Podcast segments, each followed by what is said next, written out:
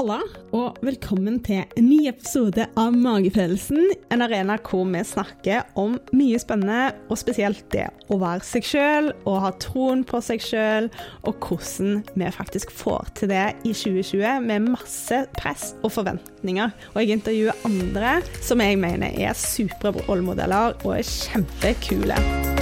I dag snakker jeg med Camilla Kjelsbekk Gramstad, som jobber i hovedorganisasjonen Virke, og går over til å jobbe som bærekraftsansvarlig i Ekspert som er et utrolig spennende skifte. For der ser hun virkelig muligheter til å utgjøre en forskjell. Fordi at sånn som du kanskje tenkte når jeg sa ekspert, så er kanskje ikke det den bedriften du tenker er mest bærekraftig i dag. Men det er vel det det handler om. Å gå inn der du faktisk kan utgjøre en forskjell. For at sånn som det viser seg, og sånn som jeg og Camilla snakker en del om i denne episoden, så er det sånn at det er veldig mange i næringslivet og personer som mener at vi er nødt til å ta tak tak i disse store problemstillingene som verden står overfor. Problemet er bare den at like mange eller flere enn de som mener at vi er nødt til å ta i et tak og gjøre en forskjell, mener at deres bedrift eller de sjøl ikke har en påvirkning på miljøet. Det vil si at folk flest tenker at det er ikke meg, men det er noen andre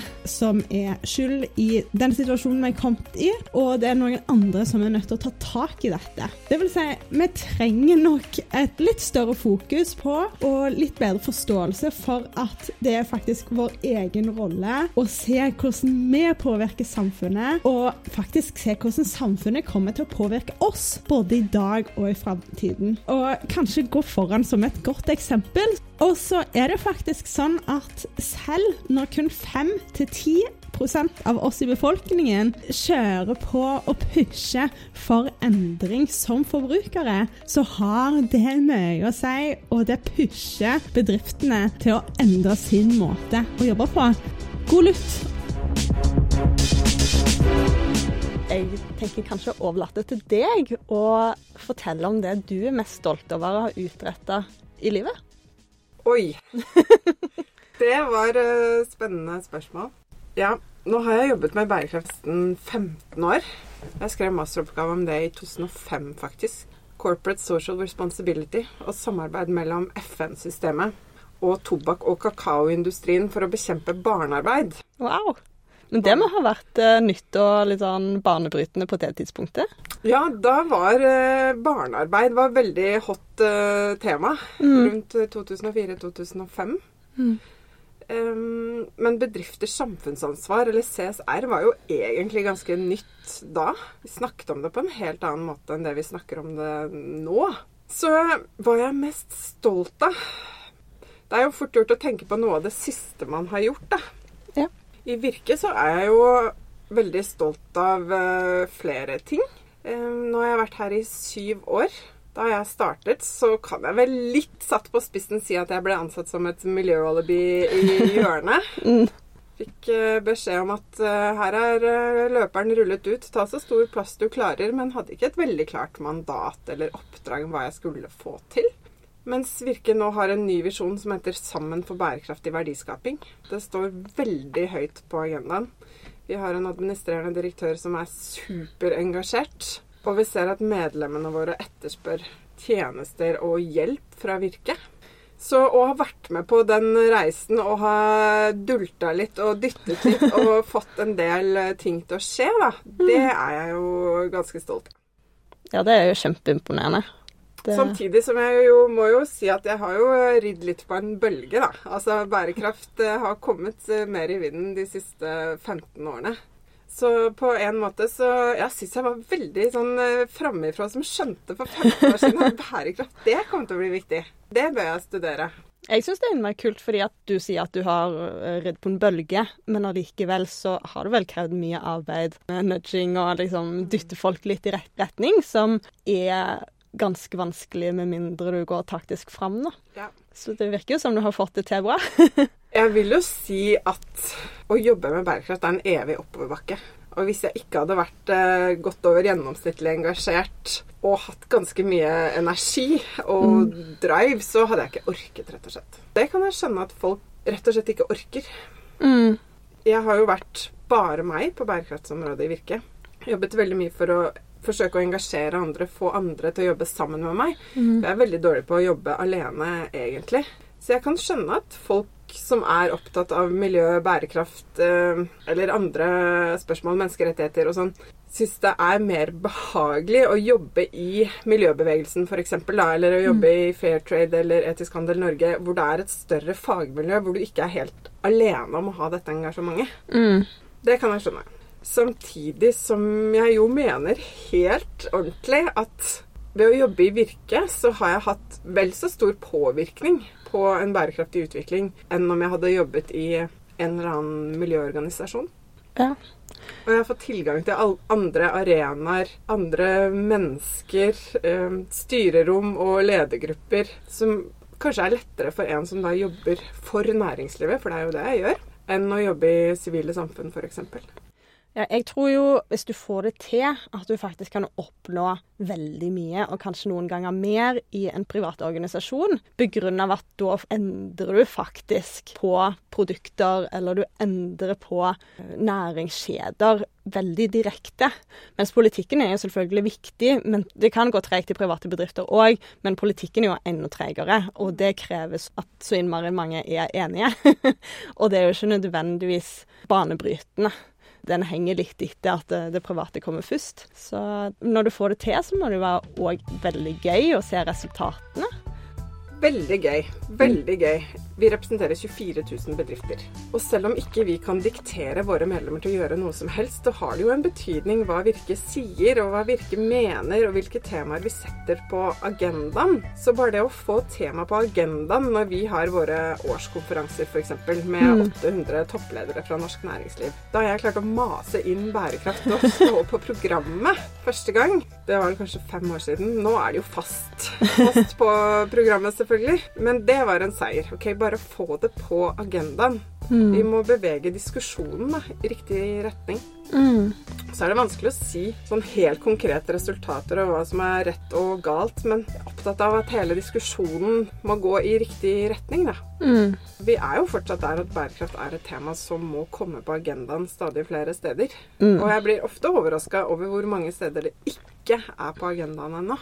Jeg tror når du først kommer inn og folk blir engasjerte opp i ledelsen, fordi det må jo være ledelsen som blir engasjert, og ikke bare én, men flere, så, så, tror jeg at det blomstrer fort. Men før det så er det mye motstand og mye nei, og egentlig bare synspunktet at det koster penger, og at det ikke er lønnsomt, og at det er vanskelig, og la oss bare ta på skylappene så lenge vi kan, og at det ikke er noe ja. som forventes. Altså Man møter hele spekteret når man mm. jobber med det temaet her. Det er de som er sånn glødende engasjert, og så er det mm. de som er ja, OK, det er sikkert viktig, men Og så er det ikke så mange som er sånn glødende motstandere og klimafornektere, selv om man møter noen av de òg. Men det er en ganske stor gruppe som er sånn Ja ja, men det angår ikke meg. Som er helt likegyldig. Det har ikke noen påvirkning på meg. Jeg kan heller ikke gjøre noe med problemet. Mm. Og det er kanskje den verste ja, Den de verste ikke, gruppen, rett og slett. Ja, de har ikke noe ønske om å bidra. Nei. Og det er litt bare sånn ansvarsfraskrivelse. Sånn, nei, altså jeg, jeg, hører Altså, jeg tror på at det er en klimakrise, men jeg gidder ikke å endre noe. Verken hvordan jeg jobber eller hvordan jeg handler. Og en av de første tingene jeg gjorde da jeg begynte i Virke for syv år siden, var en undersøkelse mm. til um, alle lederne hos uh, medlemmene våre. Da sa 80% at næringslivet har et selvstendig miljøansvar. Mm. Det var jo bra, tenkte jeg. 80% Men så sa 86% av de samme menneskene at min bedrift har ingen påvirkning på miljøet. Så det er ikke meg, men det er næringslivet. Ja. Dette store bildet næringslivet, ja. men ikke min bedrift. Og akkurat det ble veldig førende for alt det arbeidet som jeg har gjort etter det. Å innse det at ok, folk ser ikke sin egen rolle i den store bærekraftige utviklingen, for å kalle det det. Man må se sin egen rolle. Både hvilken påvirkning du har på samfunnet rundt deg, og hvilken påvirkning samfunnet rundt deg kommer til å ha på deg, rett og slett? Jeg snakket med Katrine Aspås, hvis du vet hvem hun er. Eh, hun har jeg òg intervjua til podkasten. Og hun nevnte rollen som media faktisk har oppi det. Det at det er veldig sånn krigsfokus eller negativt fokus som gjør at folk blir overvelda og distanserer seg. Og at det gjør at vi faktisk ikke klarer å se hvordan din innsats betyr noe. Og det er det vi er nødt til å få litt fram, da. Det at faktisk så har det noe å si hva du gjør. Fordi at én ting er din innsats, men òg hvordan det påvirker folk rundt deg. Og at én ting du kan si, kan inspirere noen andre, og så får det ringvirkninger, da. Så ja, det, det er nok det som må opp. At folk bare må faktisk igjen tenke at jeg betyr noe. Ja. Og i, i, min jobb her så møter jo jeg på så mange forskjellige typer mennesker. Masse gøye mennesker og mange ledere. Og har faktisk blitt overrasket ganske ofte over hvor mange som tenker at de ikke har noen betydning. Selv ledere som har eh, ja, stor makt, stor påvirkning. Hundre, kanskje tusenvis av ansatte som tenker at det ikke betyr noen ting hva de gjør. Ja. Men alle har jo en betydning. Ja, det å være en rollemodell, og folk som ser opp til deg. Og da er det jo noe med å liksom sørge for at ledere har den kompetansen de trenger for å bygge opp folk under. Mm. Fordi at det er så mange ledere som ikke skjønner hvor viktig de faktisk er for å inspirere og være en god rollemodell, men òg å gjøre folk gode, da.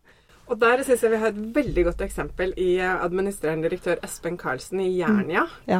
Som hadde en uh, privat uh, klimaoppvåkning, for å kalle det det. Mm. At vi står overfor enorme utfordringer.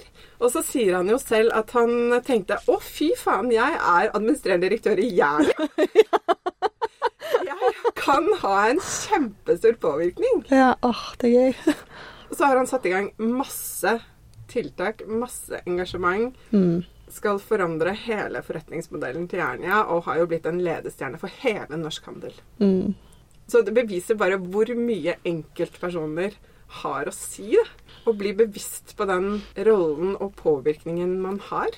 Og så tror jeg det er en del som er redde for å ta det med inn på jobb, fordi at du er kanskje redd for hva kan dette gjøre med forretningsmodellen, fordi at det virker som så annerledes. Men sånn som vi gjerne gjør, da, jeg tror jo at de kommer til å komme mye bedre ut. Fordi at de skal leie ut produkter, og de skal vel legge om på alt. Nå husker jeg ikke helt alt, men eh, det, jeg, jeg tror jo det er framtiden.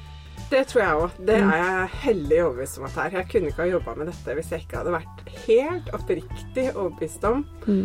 Det er jo ingen framtidsscenarioer som tilsier at bærekraft blir mindre viktig enn i dag. Absolutt ingen. Men jeg tror ofte at bedriftseiere ikke skanner samfunnet bredt nok, da. Mm. Man er jo veldig opptatt av hva kunder vil ha, hva forbrukere vil ha, hva som selger best akkurat nå. Men eh, jeg pleier å si at ja, ja, kunder kan ville ha så mange plastsugerør de bare vil. Mm. Når EU sier at nei, det blir forbudt, så blir det forbudt.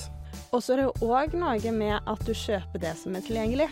For det er veldig ofte at jeg har lyst på noe annet enn det jeg kjøper. Men så er det sånn Men jeg trenger faktisk dette akkurat nå, og jeg kan og orker ikke noen ganger å bruke så innmari mye tid på det. Og jeg er villig til å bruke egentlig ganske mye tid på å kjøpe bærekraftige produkter, men jeg merker noen ganger at det blir litt sånn det blir litt sånn håpløst. Man orker ikke. Så næringslivet må jo ta den rollen som å gjøre det lett og attraktivt og tilgjengelig, mm. og, og, ikke altfor dyrt, da, å velge de mest eh, bærekraftige alternativene. Så jeg tror at både flere krav og reguleringer og forbud Altså forbud mot plastsugerør, det er bare starten, tror jeg. Fordi vi kommer til å måtte sette inn langt flere tiltak enn det vi har nå. Mm. Når et problem blir stort nok, det har vi jo sett på korona nå. Når et problem blir stort nok, mm. da setter vi inn tiltak. Og da gjør vi grep. Selv om det kanskje ikke lønner seg, eller det er store administrative byrder, eller da, da må vi bare gjøre grep. Og det er jo, tror jeg, bare et spørsmål om tid før vi kommer til å gjøre på klima- og miljøområdet. Jeg bare håper at vi tar grepene før det egentlig blir krise. Fordi at eh, ja, det begynner å se litt skummelt ut, hvis du ser på prognosene, dessverre. Mm. Du skal gå over til Elkjøp. Jeg skal begynne i Elkjøp fra januar av. Det blir noe helt annet, eh, tror jeg. Men etter at jeg var ferdig med masteroppgaven min da i 2005, så jobbet jeg først som trainee på norske ambassaden i Brasil. Wow, ja. Med å hjelpe norske bedrifter der å jobbe med samfunnsansvar Mm. eh, lokalt. Så begynte jeg som eh, forsker på Senter for utvikling og miljø på Blindern. Som var eh, veldig eh, ikke meg.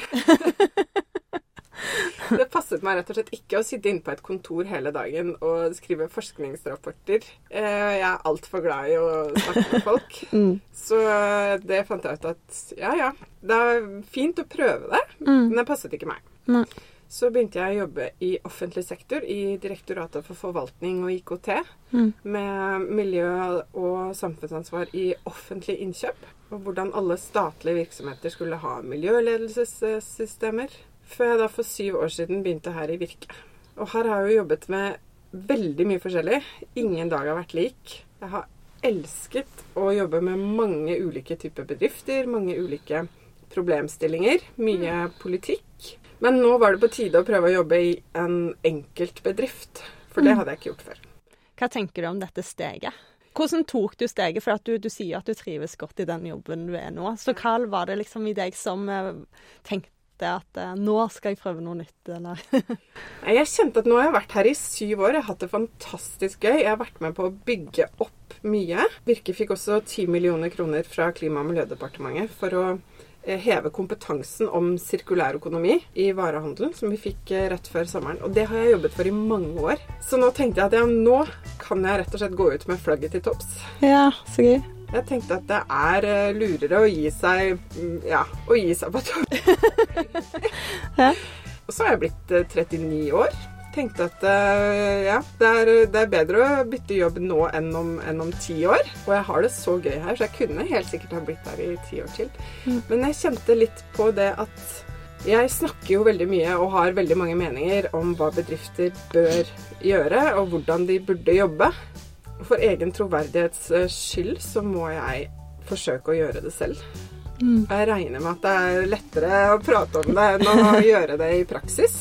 Så jeg har litt sånn venta på at uh, den perfekte bedriften skulle dukke opp. Hvor Mm. jeg kunne få en stilling som jeg tenker har stort potensial til å faktisk gjøre en forskjell. Dette er en nyoppretta stilling i Elkjøp. Mm. Det var jeg som tok kontakt med dem. Oi, wow. Um, og søkte på en helt uh, annen jobb. Men jeg tenkte ja, ja, de kjenner meg litt. Og så bare ble det sånn. Spennende. Og det er jo en bransje som står overfor kjempestore utfordringer. Ja, og jeg tror jo hvis de har innsett hva som skal til, så Ja, det er mye å ta tak i, og sikkert kjempespennende. Men det er en veldig stor vilje der til å nå være med på å skape en del av løsningen. Mm. For de er jo en stor del av problemet.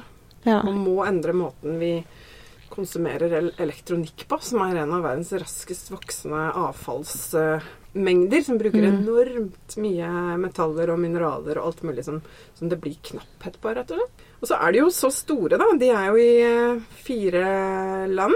Så jeg Mm. skal jobbe på nordisk nivå. Jeg har 11 000 ansatte. Så min jobb blir å prøve å engasjere alle disse i å mm, få bærekraft og sirkulær økonomi litt uh, høyere på agendaen. Mm. Så jeg håper jo å få til noe som har reell betydning, da. Det vil jeg Og tro. forhåpentligvis kan være en inspirasjon også for uh, andre bedrifter. Mm. Men jeg regner jo med at jeg får uh, bryne meg litt. Det, det tror jeg. Men stadig nye utfordringer, det tror jeg er sunt for oss, jeg. Mm. Ja, når jeg leste at du skulle over til Elkjøp, så tenkte jeg først litt sånn Oi, nyoppretta stilling. Og så var jeg litt sånn Hm.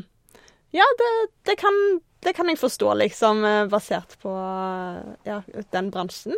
Men òg eh, hvor enormt viktig det er at de ansetter profiler som deg i sånne organisasjoner nå, og hva endring det vil føre til nå, da. Og da begynner vi å snakke resultater, da. Ja. Mm. Det er jo kjempekult. Jeg utfordret jo dem ganske kraftig tilbake da de ansatte meg, at dere må vite hva dere nå gjør. Ja. For jeg har jo min integritet. ja. Jeg må kunne vise til noen resultater. Og Derfor var det viktig for meg at stillingen ikke bare sitter i kommunikasjonsavdelingen, f.eks. Jeg skal sitte i innovasjonsavdelingen, som skal finne ut hvordan Elkjøp skal eh, ja, tjene penger framover. Men jeg tror jo at sånne organisasjoner kanskje òg har litt panikk, i form av at de ser hva som skjer. Og når folk snakker om grønn økonomi, så er de usikre på om det betyr egentlig at folk ikke skal handle lenger. og hvilken plass de da har mm. midt oppi dette her. Og da selvfølgelig er det jo mye bedre å starte endringen nå enn plutselig når de går konkurs fordi at alt har endra seg. Ja, det er jo flere drivere som treffer dem. Både altså, fysisk ressursutfordringer tror jeg kommer til å treffe oss mye mer enn vi i Norge har begynt å snakke om engang. Mm.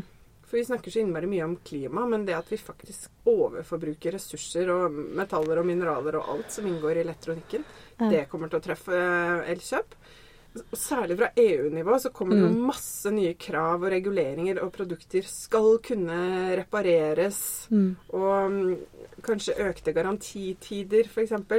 Hvor elektronikk er også prioritert sektor fra EU-nivå. Så er det jo da selvfølgelig forbrukere som deg og meg som begynner å stille spørsmål. Hvor er dette produsert, og hva er det laget av? Og jeg vil kunne reparere mobiltelefonen min eh, når den går i stykker, eh, osv. Så, videre. mm. så at det er mange drivere som treffer dem. Ja. Og også ansatte som begynner å stille spørsmål. Hvorfor får vi så sinnssykt mye emballasje inn? Jeg og noen venner har faktisk boikotta Power en stund, fordi at de hadde sånn policy at når du kjøpte noe, så fikk du med noe gratis. Og det er sånn, jeg får med noe drit som jeg ikke trenger slutt. liksom, Jeg skulle bare kjøpe en tannbørste, liksom. Ja.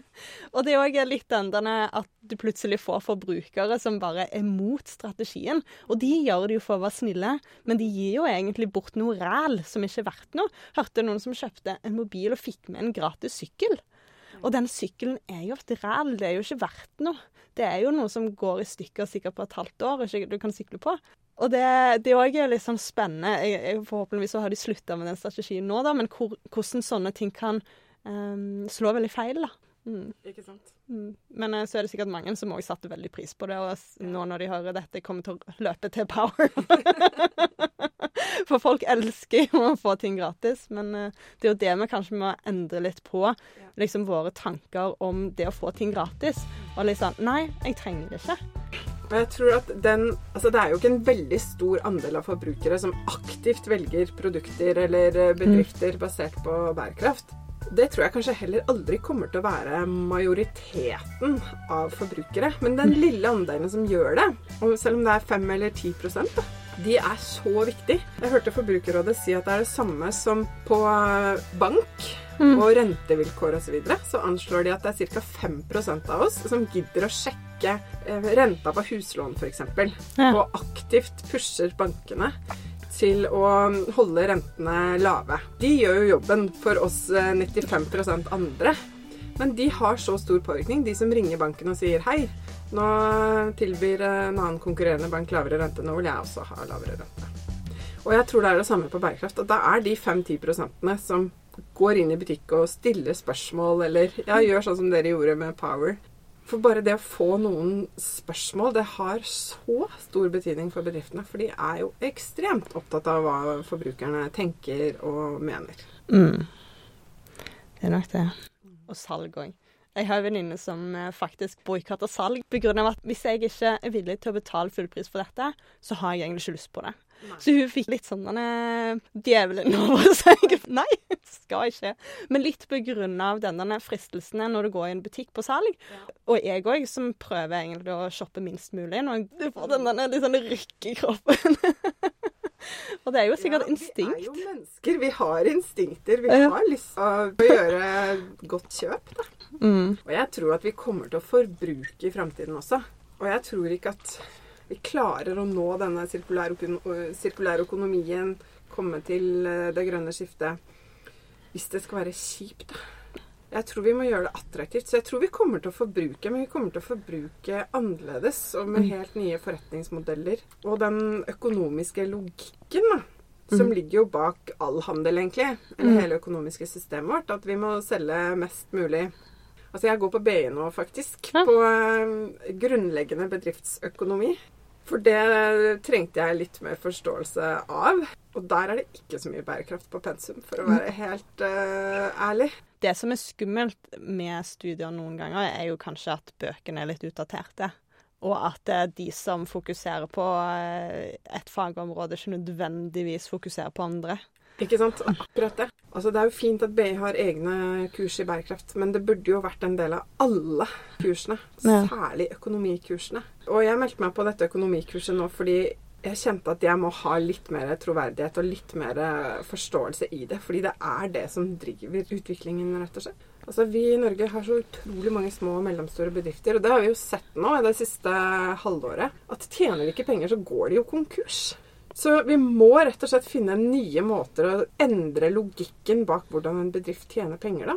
Absolutt. Så kan man tjene penger på en annen måte enn å pushe stadig flere produkter til lavest mulig margin. Kan man forestille seg å tjene penger på en annen måte? Det er det vi må få til, rett og slett. Ja, Det syns som den triple bunnlinje burde være på pensen når du lærer om ja, bedriftsøkonomi, da. Har ikke kommet hit i mitt pensum eh, ennå, i hvert fall. Nei, ha. det skulle jeg nesten tro. Det er noe om eh, bedriftsetikk og moral og samfunnsansvar. Mm. Men ikke noe om sirkulær økonomi, f.eks. Men det, altså, det handler òg om lønnsomhet, faktisk. Hvordan det kan være lønnsomt hvis du gjør det på rett måte. Ja, Det er akkurat det, da. Finne ja. rett måte å gjøre det på. Mm. Og vi har jo fortsatt altfor mange bedrifter som tenker at ja, ja, gir vi penger til lokale idrettslaget eller mm. til et barnehjem i Rwanda eller Leger uten grenser eller hva som helst, så er vi home free. Da har man ikke sett på det som bedriften faktisk driver med. Hva, hvordan tjener man pengene sine? Hva er forretningsmodellen vår? Kan den forretningsmodellen stå seg i en verden hvor vi faktisk skal bort fra bruk-og-kast-samfunnet? Det er de store spørsmålene. Og det er der eh, vi trenger flere økonomer eh, til å bli med i diskusjonene, rett og slett. Mm. Og ikke bare snakke om det på en måte som ja, vi trenger en eh, global pris på CO2. Det, vi må ta diskusjonen litt bredere enn det. Så jeg har ofte tenkt at min rolle her i Virke har vært litt sånn brobygger oversetter, fordi jeg er i kontakt med så veldig ulike miljøer. Da. Både mm, myndigheter, politikere, som snakker sitt språk. Bedriftene snakker sitt språk. Mm. Um, sivile samfunn, miljøbevegelsen snakker sitt språk. Og akademia har uh, sin vinkling på det. Og så mener jeg helt oppriktig at man trenger flere oversettere og brobyggere i verden. Ja, det er så viktig det jeg lærte på studiet syv år siden, eller noe sånt det nå, det er jo teori som jeg tror kommer til å anvendes mer og mer i tiden som kommer, men det tar så lang tid før det egentlig når ut. Så ja, det at folk snakker sammen og samarbeider, kanskje ja, akademia burde vært litt sånn på besøk hos bedrifter innimellom. Ja, i mye større grad enn det de er. For de har jo så mye innsikt og fakta og informasjon. Så det er egentlig ikke mangel på informasjon i verden. Det er mangel på å få det ut og få det implementert og få endringer til å skje. Ja. Kanskje vi skulle hatt med at forskere faktisk forsker på ting i samarbeid med bedrifter. Fordi at det, de forsker veldig isolert, og så gjør de det kanskje på vegne av en industri, men så når det ikke ut til industrien raskt nok. Men hvis de hadde gjort det mer i samarbeid, så tror jeg at de hadde lytta. Så kunne kanskje industrien òg sagt dette ønsker vi mer innsikt i. Mm. Og så hadde det kanskje vært mer penger i det òg. Så du får liksom win-win. Mens bedriftene, eller dette er jo min helt personlige mening, da. Bedriftene er ofte litt eh, navlebeskuende og veldig opptatt av hvordan de tjener penger i neste kvartal, selvfølgelig. Og det syns jeg er synd. Jeg lærte jo på studiet at du må tenke langsiktig. Ja. Og jeg husker jeg var frustrert over det i politikken. At vi liksom har valg for fire år, sånn at det er bare egentlig to år hvor du gjør noe konstruktivt, og så handler det om neste valg. Mm. At forretningsmodeller er jo mye mer lønnsomme og gjennomtenkte hvis du tenker på langtidsperspektiv. Men plutselig så har òg forretningsstrategiene blitt veldig kortsiktige. Mm. Altså, alle vet jo egentlig som er økonomer at det er helt feil måte å tenke på. ja, man må liksom tenke både på kort og lang sikt. For klart, verden endrer seg jo kjemperaskt. Man må jo tilpasse seg det. Er det noen ting som vi vet at treffer mm. oss på litt lengre sikt? Altså, Vi vet klimaendringer kommer, vi vet ressursknapphet eh, kommer. Vi vet stadig større ulikhet i samfunnet blir en kjempeutfordring. Så, så man må liksom både tenke på kort og lang sikt, tror jeg. Ja, men at du, at du setter kortsiktig mål som passer inn i en langsiktig strategi. Ja, det er akkurat det. det vi mennesker er ikke så gode på å ha to tanker i hodet samtidig. Nei, kanskje ikke. Vet ikke hva det er. Hva tror du er hovedårsakene til at du har havna der du er i dag? Oi. Ja, det var jo um, interessant spørsmål. Så da jeg fikk jobben i Virke, så var det drømmejobben. Mm. Det var virkelig, virkelig drømmejobben. Um, og da kom jo jeg fra byråkratiet. Kunne ikke mye om næringslivet. Kunne ikke mye om uh, politikk. Mm. Men jeg hadde en forestillingsevne om hva jeg kunne få til i denne jobben. Mm. Eh, Som jeg tror var mer enn det de som ansatte meg, hadde klart å forestille seg. Mm. Og så er jeg ganske utadvendt og blid, rett og slett. Mm. Og jeg har ofte tenkt at den viktigste egenskapen min i den jobben her, er at jeg er svært pragmatisk anlagt. Mm. Hvis jeg hadde liksom gått i eh, lås med en gang jeg ikke fikk det akkurat sånn som jeg ville, så hadde jeg ikke kunnet jobbe her. Mm. Det hadde blitt for, for krasj mellom eh, mellom verdener, eh, rett og slett. Mm. Så ja. Jeg er ganske god på å som jeg sier, være oversetter og omgås med folk fra veldig ulik Altså fra statsråder til eh, ja, folk som jobber ute i butikk, eller eh, Mm. Folk er folk, stort sett, Ja, ja. hvor, de, hvor de er. Mm. Em, så jeg er veldig glad i å snakke med folk. Mm. Det er gøy, da. Det er jo veldig gøy, for Ja. folk er jo så innmari hyggelig og Mm. ålreit. Mm. Men, men jeg har også merka at folk er jo stort sett opptatt av 'what's in it for me'. Og jeg har jo hele tiden hatt en agenda. Men jeg har skjønt at ok, jeg må selge budskapet om bærekraft. Mm. Og da må jeg selge det på en sånn måte ja, 'what's in it for you'? Og det er veldig forskjellig. Og For noen handler det om ja, rett og slett å gjøre det som er riktig, og passe på barna og barnebarns framtid osv. For andre så er det omdømme eller ja, kortsiktig profitt eller forberede seg på en regulering eller Driverne kan være veldig forskjellige, da. Mm. Men å, å finne ut av det der what, What's in it for you? Fordi det er faktisk det folk flest er opptatt av. Så man er seg selv nærmest, da. Ja, ja, ja. Man ser verden fra sitt eh, perspektiv. Mm. Og så er folk sikkert glad i å snakke om det de driver med, og Mm. hvordan deres idé eller bedrift eller liv kan bli bedre. Ja. Jeg jobba i butikk i seks år mens jeg studerte. Og det har jeg tenkt på etterpå var veldig lurt, fordi da lærer man å være litt selger. Stort sett alle driver med salg på et eller annet vis. Ja, ja. Om det er selger av produkter eller varer eller budskap. Eh, og jeg er nok en virkelig selger. Å selge et eh, budskap. Er det noe du eh, følte at du lærte da, eller har du alltid vært flink til det? Nei, jeg har ikke alltid vært flink til det. Eh, men jeg lærte nok det litt av å jobbe i butikk, ja. Og da jeg jobbet i, eh, i Difi, så snakket vi mye om at vi var endringsagenter i staten. Og staten er jo en mastodont. Vi skulle være endringsagenter. Og få fylkeskommuner og statlige virksomheter og kommuner til å gjøre ting litt annerledes. Og da skjønte jeg at OK, um, folk liker å bli inspirert. Ja.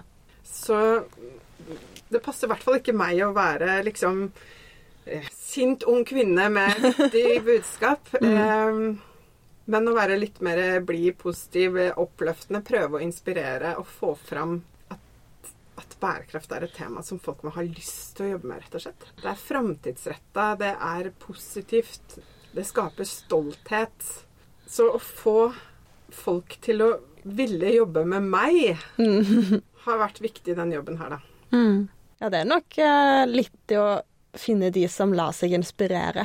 Mm. For inspirasjon er jo det som endrer liv. Det er det Ja. som virkelig har endra mitt liv. Og det er folk som ikke engang har prøvd å liksom eh, påvirke meg noen ganger, men bare snakket om sitt liv og ting de har gjort, og så bare Oi, Ja. det var en ny verden. Det vil jeg òg. Ja. Så Så- gøy. Mm, men sant, så samme historie for noen andre kunne kanskje hørtes skummel ut, eller for mye ut, eller stressende, eller et eller annet. Sant? Så det er jo det å, ja, å nå ut til folk med rett budskap, og kanskje ja, finne ut hvem som blir inspirert, Mm. og nå ut til de først. Den har jeg syntes vært vanskelig, og tror jeg, jeg måtte lære litt ved å feile. Det å prøve å inspirere alle samtidig og bli frustrert over at det var mange motstandere. Da. Ja. Men da heller velge ut de to som faktisk var tilhengere, og starte med de, og så la det bre seg. Det er ledelse, det. Mm. Få med deg folk, men ikke få med alle.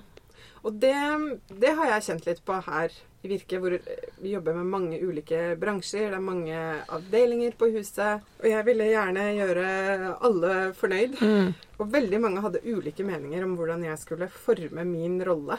Og jeg prøvde å fly etter alle og gjøre alle fornøyd samtidig, og det funker veldig dårlig. Så jeg måtte finne min rolle og hva som passer for meg. Ja. Hvordan fant du ut av det? Nei, da prøvde jeg å finne ut ok, hva er jeg god på. Jo, jeg er ganske god på da å være ute og snakke med folk og holde foredrag, koble folk. Å ja, du driver med et prosjekt om det. Jeg har hørt om en annen forsker Ja. som gjør noe interessant på det. Dere to burde snakke, snakke sammen. Det er så viktig, det. Jeg sier veldig ofte at uh, jeg har ikke peiling på noe, jeg. Altså, folk tror jeg er eh, både klimaekspert og eh, kjemikalieekspert og avfallshåndteringsekspert og menneskerettighetsekspert. Altså, jeg har ikke peiling på noe, egentlig. Du er en connector. Ja, jeg er en connector, og så kan jeg bitte litt om en god del. Og så har jeg ganske god oversikt over hva som rører seg. Mm. Og så vet jeg hvem som vet. Mm. Og så er du nysgjerrig. Det tror jeg er viktig. Det å stille spørsmål sånn at du faktisk finner ut hvem som vet hva. Ja. Og så bare sånn Ja, jeg hørte noen som hadde behov for det. så Så jeg er en kobler. mm. Så jeg fant at det, det må være min rolle. Jeg kan ikke gjøre alle fornøyd som forventer at jeg skal kunne alt om um, trevare- og tømmerforordningens uh, nye EU-krav. Det kan jeg ikke. Nei. Så å bare kjenne det at jeg kan ikke noe om det, det er lov å si. Mm. Men det er jo kjempeviktig det å være ydmyk. Og så tror jeg faktisk folk òg syns det er deilig at du ikke kan det. For du er litt sånn Hvordan i huleste hva, vet, hva type hjerne har du? så kan alt det, liksom. Ja. Det er jo ikke menneskelig. Nei, det er jo ikke det. Nei. det, er ikke det. Så i hvert fall i den type rolle som jeg nå har hatt, da, hvor jeg har sittet i så mange utvalg og styrer og møter om ting som jeg ikke har hatt peiling på, så prøver jeg å være veldig bevisst på den rollen som jeg har. Eh, å bruke ja, altså sunn fornuft kommer man jo ganske langt med, egentlig. Og selvfølgelig noen prinsipper da, som er Virkes politikk, som vi mener som sitter i ryggmargen på alle oss eh, som jobber her. Det jeg faktisk har opplevd, jeg òg har hatt litt sånn connector-rolle i stillinger hvor jeg har ikke kunnet noen ting om fagfeltet. Og så har jeg liksom vært i møter hvor de har skulle informere meg om ståa. Og i noen av de møtene så husker jeg jeg var så forvirra. For at jeg skjønte ingenting. For at jeg bare jeg prøvde å skrive notater, og jeg er ganske flink på det å oppsummere og liksom skrive liksom stikkord og kon konkludere, da. Og så stadig vekk så var jeg litt sånn OK, forstår jeg rett at uh, dere sier det og det? Og så veldig ofte, grunnen til at jeg var forvirra, var fordi at den ene siden av bordet sa ja, og den andre siden av bordet sa nei. Ja. Så de snakket forbi hverandre. Derfor tror jeg det er viktig med folk som kanskje ikke er spesialister, Ja. men som eh, få folk til å samarbeide. Fordi at du plukker kanskje opp at her sitter dere og snakker forbi hverandre. Ja, det er akkurat det. Det er akkurat det. Det var et veldig godt eksempel, da. Men jeg tror man trenger noen generalister, ja. Og som kan snakke Altså, folk vil jo stort sett ha ting enkelt. Og det er så mye informasjon i verden i dag at man klarer ikke å få med seg alt. Man husker det aller, aller viktigste som Mm. ble sagt. Så ja, få og viktige poeng. Mm. Men altså, jeg har veldig stor respekt for uh, fagfolk, for all del. Ja ja, du trenger jo begge deler. Ja, man trenger begge deler, altså. Mm. Men noen ganger så jeg tror fagfolk de er veldig glad i fremmedord. Ja. Og det gjør at de som trenger resultatene, ikke klarer å lese rapportene. Og da trenger man noen oversettere um, Mm. på veien. Ja. Mm. Fra Ja. fagfolk til de som har beslutningsmakt, f.eks. Ja. Om å gjøre ting. Jeg skulle lese et dokument for ikke så lenge siden hvor jeg prøvde å sette meg inn i et tema. Men det var så masse fagord at det blir jo som å lese gresk. Ja. Og det er litt synd noen ganger òg når det blir sånn. Hvis det ikke, sånn, I noen situasjoner så er det nødvendig, men i andre situasjoner så er det ikke det. Mm. Og da er det jo egentlig mye bedre at det, vi kanskje bruker litt enklere språk. Ja. Mm. Det går nok mye på stolthet. Folk har mye stolthet, og folk vil jo uansett gjerne bli sett for den jobben som man gjør. Ja, så tror jeg det er litt noen ganger sånn at jo mer komplisert du skriver, jo færre som forstår, jo, jo ja, høyere på pidestallen er du, da. Ikke Mm. sant? Mm. Ikke sant? Men du oppnår kanskje ikke så mye. Nei, og altså, jeg tenker ofte at jeg må forklare hva bærekraft er, hva er bærekraftsutfordringene, til administrerende direktører. På samme måte som jeg ville ha gjort til en førsteklassing. Ja, ja. Det er veldig ofte på det nivået. Men ikke bare det, men historiefortelling er jo kjempegøy. Ja. så det er jo noe med at faktisk så kan det òg være mer inspirerende. ja. Det er det. Mm. Så måten å få fram et budskap på, fortelle en historie, selge det Ja, what's in it for you? Absolutt. Vi møter en ressurskrise, klimakrise. Mm. What's in it for you? Hvordan skal du rigge deg best for det? Mm. Er det noe du kan tjene penger på her? Den uh, historien uh, er det jeg prøver å fortelle, egentlig. Mm. Kynisk. Ja. Men, ja, eh, det, det kan du si, og det har jeg tenkt på flere ganger. men, det er jo, men det er jo ikke det. Jeg tror det er sånn jeg har Eller får størst påvirkning, rett og slett. Ja, men nå tuller jeg, for det var liksom klimakrise. What's in it for you? Hvis du liksom sånn ordentlig Ja. Ja, ja. men, men vi må jo ta utgangspunkt i hvordan verden er, da. Hvordan Ja, ja. folk er. ja. Og altså, jeg har brukt eh, begrepet pragmatisk idealist noen ganger. Mm. Fordi jeg er jo idealist, ikke sant? Mm. Og det er så skummelt, for at jeg òg er det. Men det er så mange som ser på det å være idealist som litt sånn naivt Ja. og negativt. Så pragmatisk idealist er det jeg har funnet ut at da kommer jeg lengst. Ja. Altså ikke drep engasjementet mitt, men jeg kommer lengst ved å mm, ja, Mm. tilpasse meg rammene til der hvor jeg er. Mm. Ja, jeg liker jo heller sånn det at jeg er idealist, kaller jeg heller at jeg er positiv. Ja. mm. Optimistisk. Ja. Mm. At jeg tenker at eh, vi har utfordringer i verden som Og jeg, jeg er ikke komfortabel med å godta at de eh, prognosene som er der, eh, kommer til å skje. Mm. Og derfor ønsker jeg heller å være en idealist som på en måte prøver å Mm. få ting til å skje, da. Ja, jeg svinger litt mellom å være mm, optimist og pessimist, eh, rett og slett. Det må jeg innrømme. Men etter det som har skjedd nå med koronakrisen, så igjen så tenker jeg det Når problemet blir stort nok, da tar vi grep. Vi har ikke merket klimakrisen så mye ennå. Vi har ikke merket ressurskrisen så mye ennå. Når vi virkelig merker det, da tar vi grep. Så merker du det andre steder i verden på en helt annen måte enn det vi gjør her. Ja. Så sånn sett kan vi si at vi har det litt eh, for godt, eh, rett og slett. Men jeg vet jo at menneskeheten klarer å omstille seg og gjøre helt fantastiske ting når vi bare bestemmer oss for det.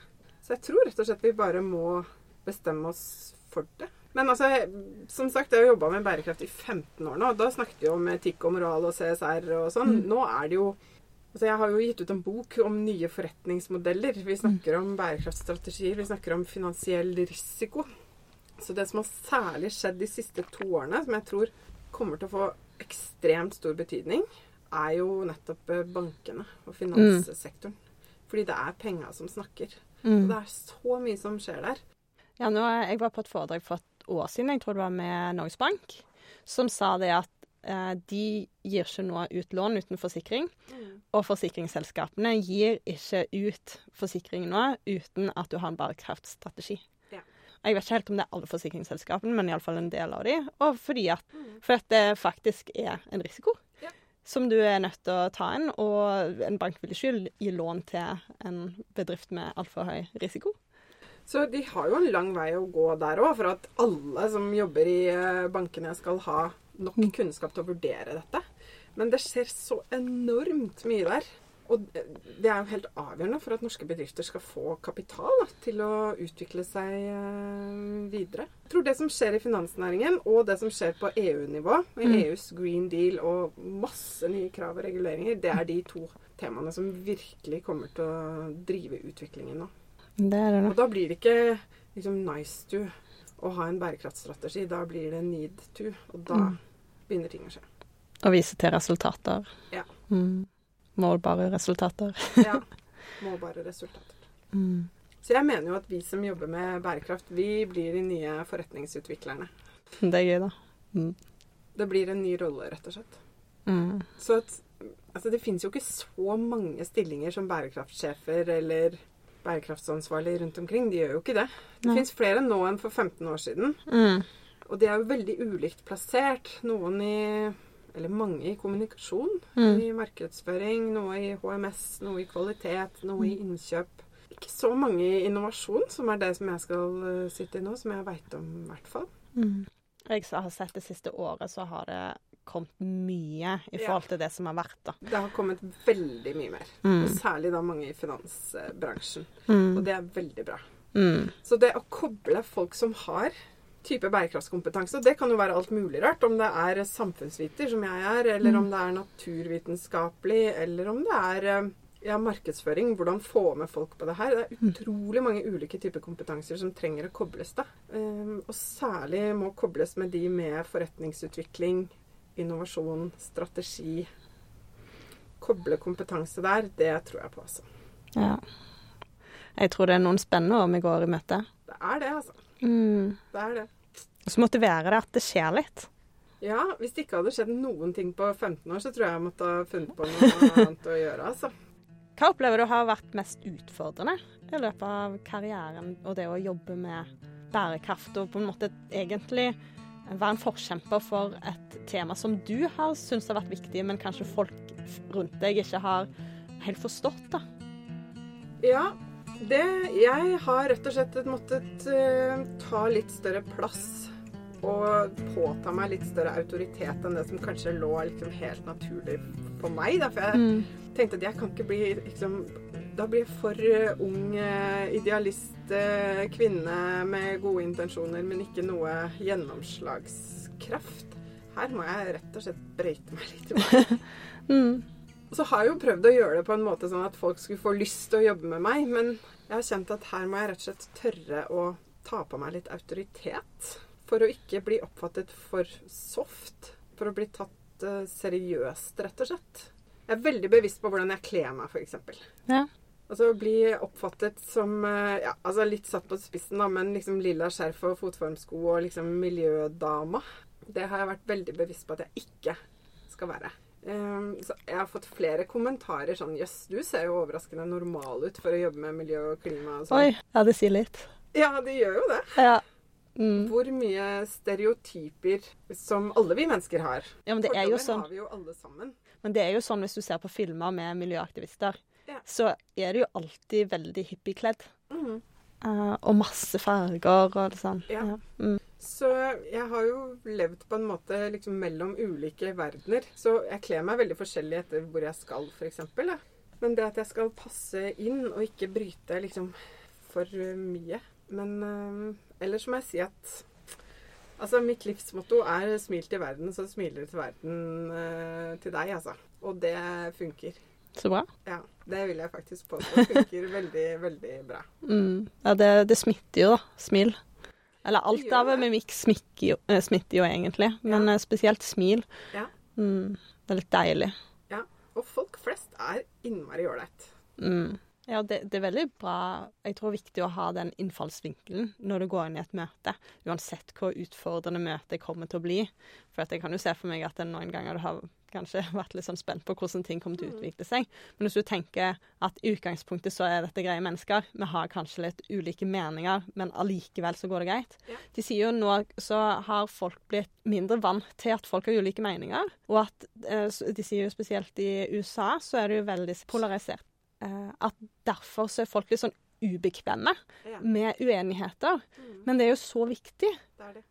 Å være egentlig komfortabel med at selv om vi er uenige i ting Mm. Og det kjenner jeg noen ganger sjøl òg, at jeg har blitt mindre vant til. Ja. At folk er uenige. Eh, og jeg tror det har mye med liksom, det du leser i nyhetene og i media og mye. At du liksom du får hele tiden det foret. Og så blir du litt overraska når andre mener noe annet. Ja. Det er ikke så rart, men det er skummelt. jo er mest å få bekrefta det vi tror på selv. Og det er jo veldig lett å få bekreftet ja, bærekraft er så viktig. Ja, alle snakker om bærekraft. Alle snakker om bærekraft, Og klima er liksom topp øverst på agendaen alle steder. Og så kan jeg komme inn i fora hvor bare det ikke er tilfellet. Mm. Virkelig ikke. Og da prøver jeg veldig å passe meg for å ikke ha en sånn besserwisser-rolle, i hvert fall. Ja. For det liker jo ikke folk. Nei. Så nei, det er mange ulike verdener der ute, altså. Mm. Det er det. Jeg ser vi begynner å gå mot slutten, så jeg er nødt til å få med det viktigste spørsmålet mitt. Okay, hva er det? Det er hva er det pinligste du har opplevd? Det pinligste jeg har opplevd? Mm. Ok. Det er to ting som jeg kommer på sånn umiddelbart. Det ene er eh, aller første gang jeg hilste på hun som nå er svigermoren min. Hun skulle um, hente meg og han som da nå er uh, mannen min. Og vi hadde vært i skogen, og jeg satte meg inn i bilen.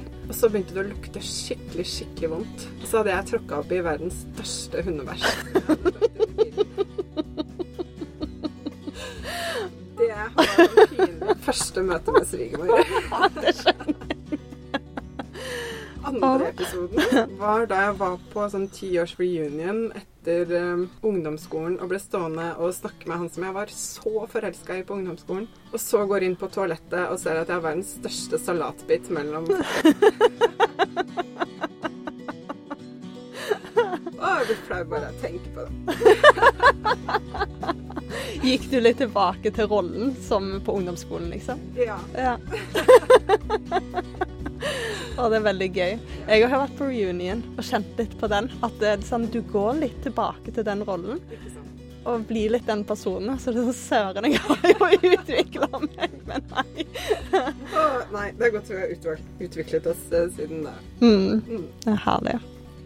Tusen takk for praten. Det var veldig hyggelig. Ja, veldig hyggelig. Utrolig spennende bakgrunn og veldig lærerikt. Takk i like måte. Sjekk gjerne ut andre episoder av Magefølelsen. Der snakker jeg med folk om bærekraft, mental helse, bistand, helse og. Snakker om personlighetstyper og hvordan å være seg sjøl i 2020. Som jeg tror det er ganske mange som noen ganger syns er litt vanskelig. Rett og slett fordi det er så masse press herfra og derfra. Hvis du liker podkasten min, så setter jeg kjempepris på stjerner på Apple Podcast, og at du følger podkasten og deler med andre som du tenker kunne trengt inspirasjon fra alle disse fantastiske damene som jeg intervjuer på podkasten. God lytt, og ha en kjempefin uke, da. Og ta vare på de rundt deg òg, da. ha det.